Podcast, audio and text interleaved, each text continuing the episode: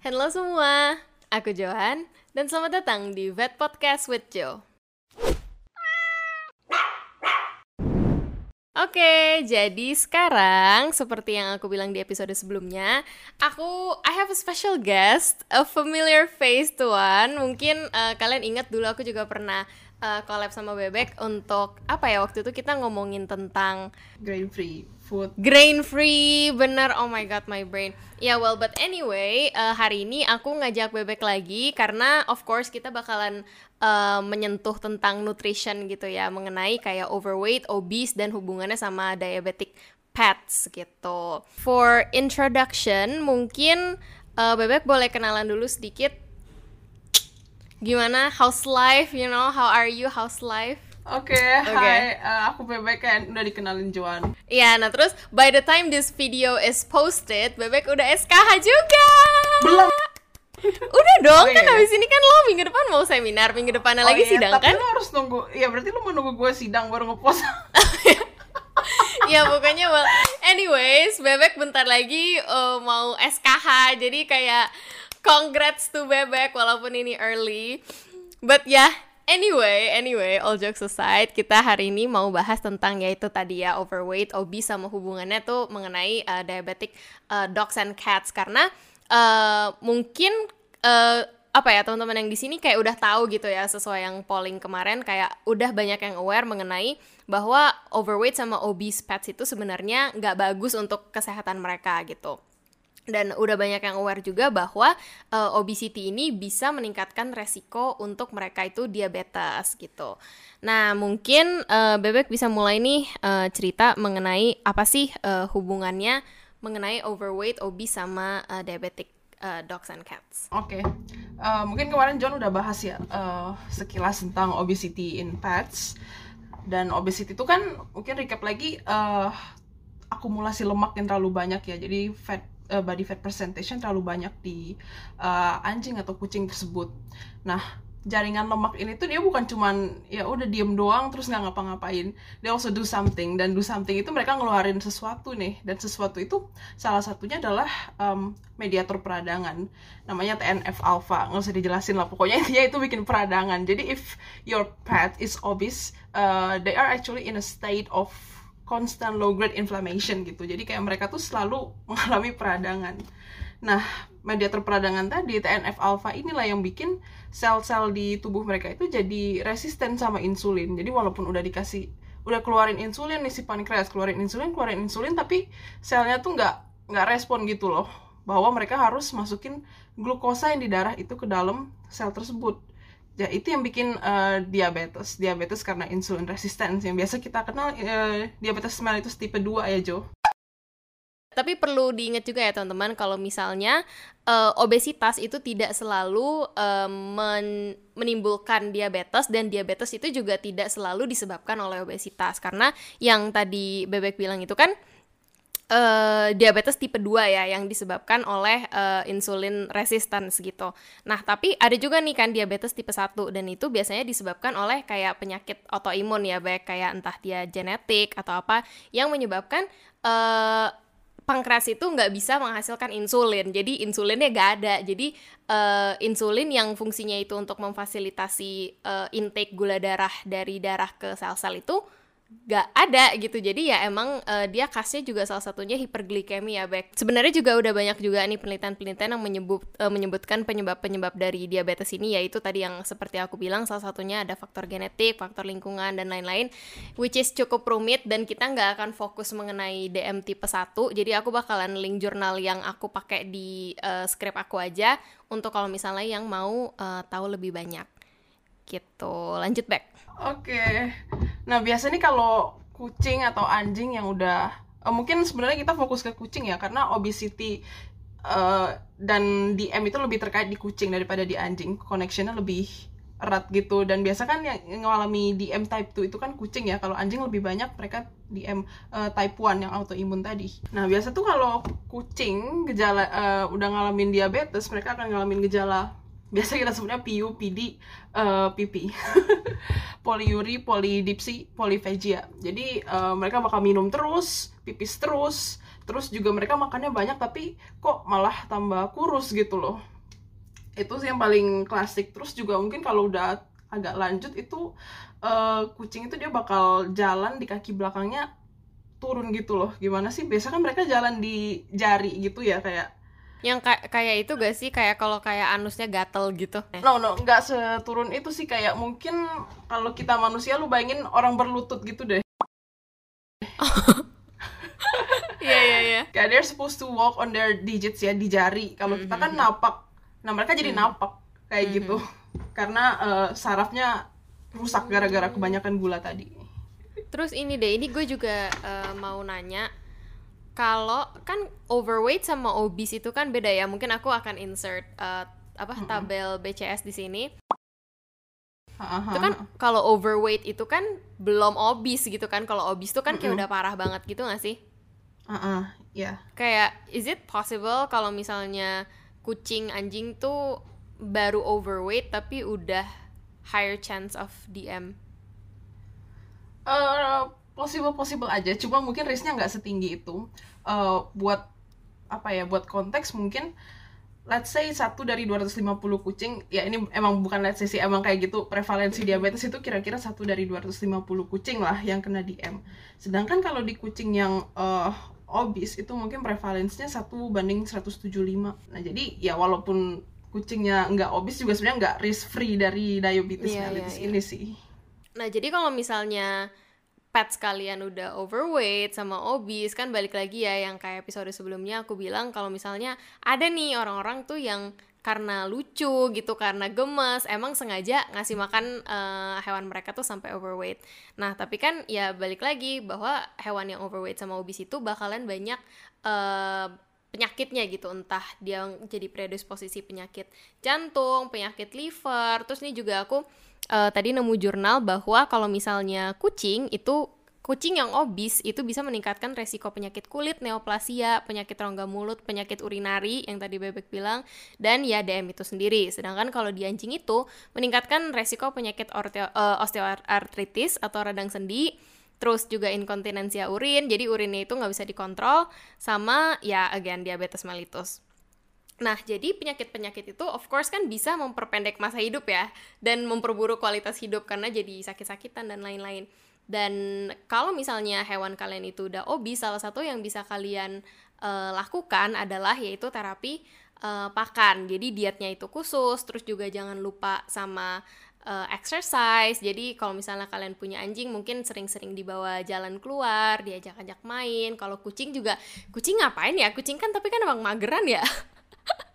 kucingnya mungkin diajak main juga gitu. Nah diet-diet ini nih. Nah gimana Bek kalau misalnya untuk hewan-hewan yang overweight obese sama diabetik nutrisinya harus gimana nih? Oke okay, um, kalau mungkin dari yang overweight atau obese dulu ya Jo kalau hewan yang masih let's say overweight itu sebenarnya masih bisa kita cuman pakai uh, makanan yang sekarang terus kita kurangin mungkin itu masih bisa kalau BCS-nya cuman uh, baru 6 6 mau ke 7 kayak gitu. Cuma kalau dia udah bener-bener obesitas, BCS ya 7 8 9 itu lebih disaranin dia pakai makanan yang khusus. Biasa ada di fat diet. Uh, bisa di fat emang namanya fat diet atau prescription diet atau therapeutic diet karena emang cuma bisa dibeli di fat karena itu khusus untuk hewan-hewan yang butuh menurunkan berat badan. Apa sih yang bikin beda? Yang pertama dia uh, kepadatan kalorinya lebih rendah. Let's say mungkin kalau makanan biasa 4 kilokalori per gram, mungkin makanan diet itu 3,5 ke bawah uh, kilokalori per gramnya kayak gitu. Biasa itu karena dia tinggi serat, kemudian fatnya uh, rendah, lemaknya rendah karena lemak kan kalorinya tinggi ya terus juga yang penting juga tuh um, beberapa nutrien kayak protein, kemudian mineral, vitamin di makanan itu lebih tinggi konsentrasinya daripada di makanan biasa karena mereka kan makan lebih sedikit. Nah, jadi bukan cuma kalori yang lebih sedikit masuk tapi juga nutrisi nutrisi-nutrisi lain nih. Nah, kita nggak mau mereka kekurangan nutrisi itu gara-gara lagi diet. Jadi makanya di makanan khusus itu biasa uh, lebih tinggi apa nutrien-nutrien tersebut kayak gitu.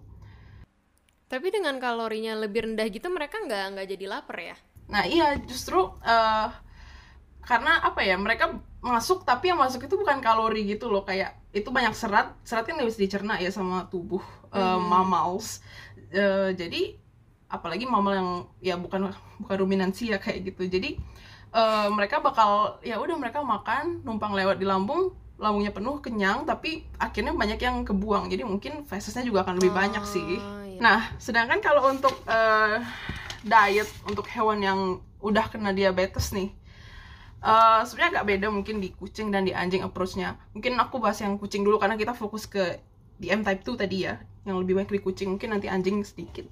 Uh, kalau di kucing itu dulu ada dua approach.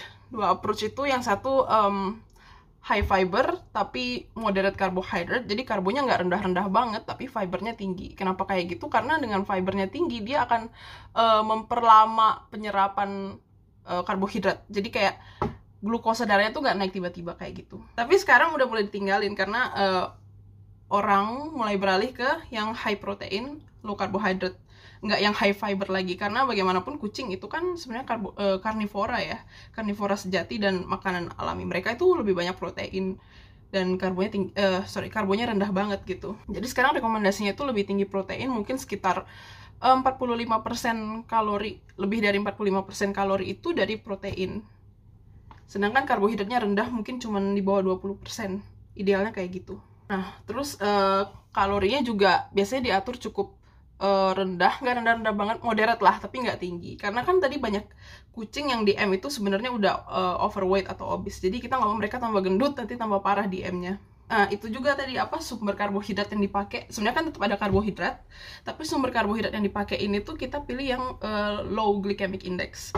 Jadi kayak mm. dia lama menaikkan gula darahnya gitu loh. Sedangkan kalau kayak nasi gitu kan itu salah satu sumber karbohidrat yang tinggi glycemic index. Jadi uh, untuk makanan mm. diabetik itu nggak disaranin sumber karbonya nasi. Mungkin Cepet yang lain. Yang juga kan ya nasi ya. Mm -mm mungkin yang lain kayak barley atau jagung itu biasa masih bisa dipakai karena GI index uh, GI-nya lebih rendah gitu. Kadang juga ada tambahan lain sih dalam makanan itu selain dari tadi kan makronutrien yang mungkin ngomongin lemak, karbohidrat, protein.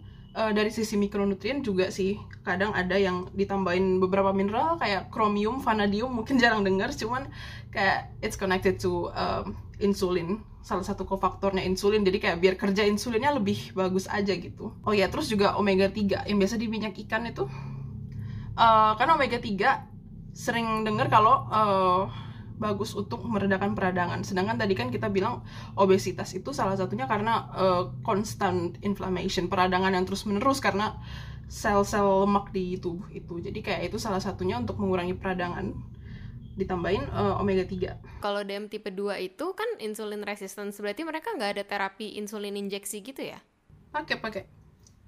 Tetap pakai karena kayak mereka tuh butuh gitu loh tapi kan insulinnya tetap diproduksi kan ah diproduksi tapi lama-lama beta selnya tuh exhausted gitu loh karena dia kerja terus oh. tapi kayak mereka butuh lebih banyak kan less sensitif tapi nggak resisten sama sekali mereka tetap butuh cuma butuh lebih banyak karena banyak yang nggak kepake gitu loh Oke, okay, tadi uh, lo ada mention tentang nasi itu uh, high GI. Nah, what about uh, pet owners yang ngasih uh, pet mereka it, dengan nasi gitu kayak nasi dicampur apa itu berarti um, apa namanya berperan juga nggak dalam kayak misalnya gini nih uh, let's say uh, pets yang dikasih makanannya pet food only dry food dan segala macam dengan yang uh, dicampur nasi itu mereka lebih cepat overweight dan lebih maksudnya lebih ini nggak untuk diabetes kalau untuk apakah mereka lebih overweight itu sebenarnya bukan tergantung nasi atau bukan, tapi tergantung mereka sebanyak apa mereka makan gitu. Nah, masalahnya karena nasi ini GI tinggi, biasa mereka lebih cepat uh, kenyang, lebih cepat lapar lagi. Jadi mereka akan makan lagi, itu bisa bikin mereka lebih cepat uh, overweight gitu.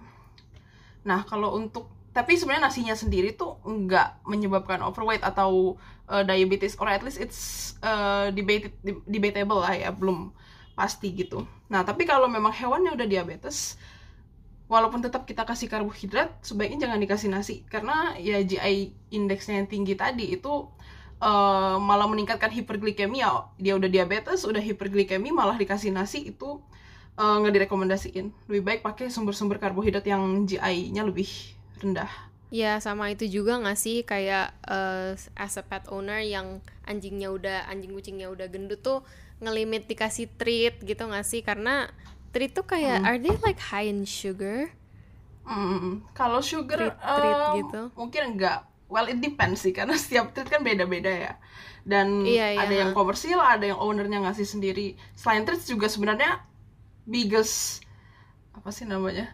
penjahat terbesarnya itu tuh kalau kita suka ngasih table scraps gitu loh kayak kita lagi makan I mereka know, datang. oh my god, gue ada nulis ini karena I'm very guilty of this too. Emang table scraps sebenarnya nggak bagus kan? Kayak table scraps tuh kayak kita makan, terus kayak makanan kita tuh dibagi ke mereka gitu. Hmm.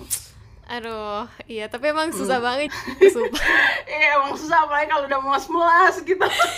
iya Iya, itu yang mengenai treat sebenarnya kemarin gara-gara ini sih. Dulu gue sempat magang gitu, terus emang eh, apa ya waktu itu ya anjing apa kucing. Terus dokternya bilang kayak jangan dikasih treat ya ibu gitu. Nah terus biasa kan kalau anjing, kucing atau bukan manusia kalau udah diabetes mellitus itu pasti kita sering denger insulin, disuntik insulin kayak kayak gitu kan. Eh ya di anjing, kucing yang diabetes juga sebenarnya mereka butuh eh, diinjek insulin.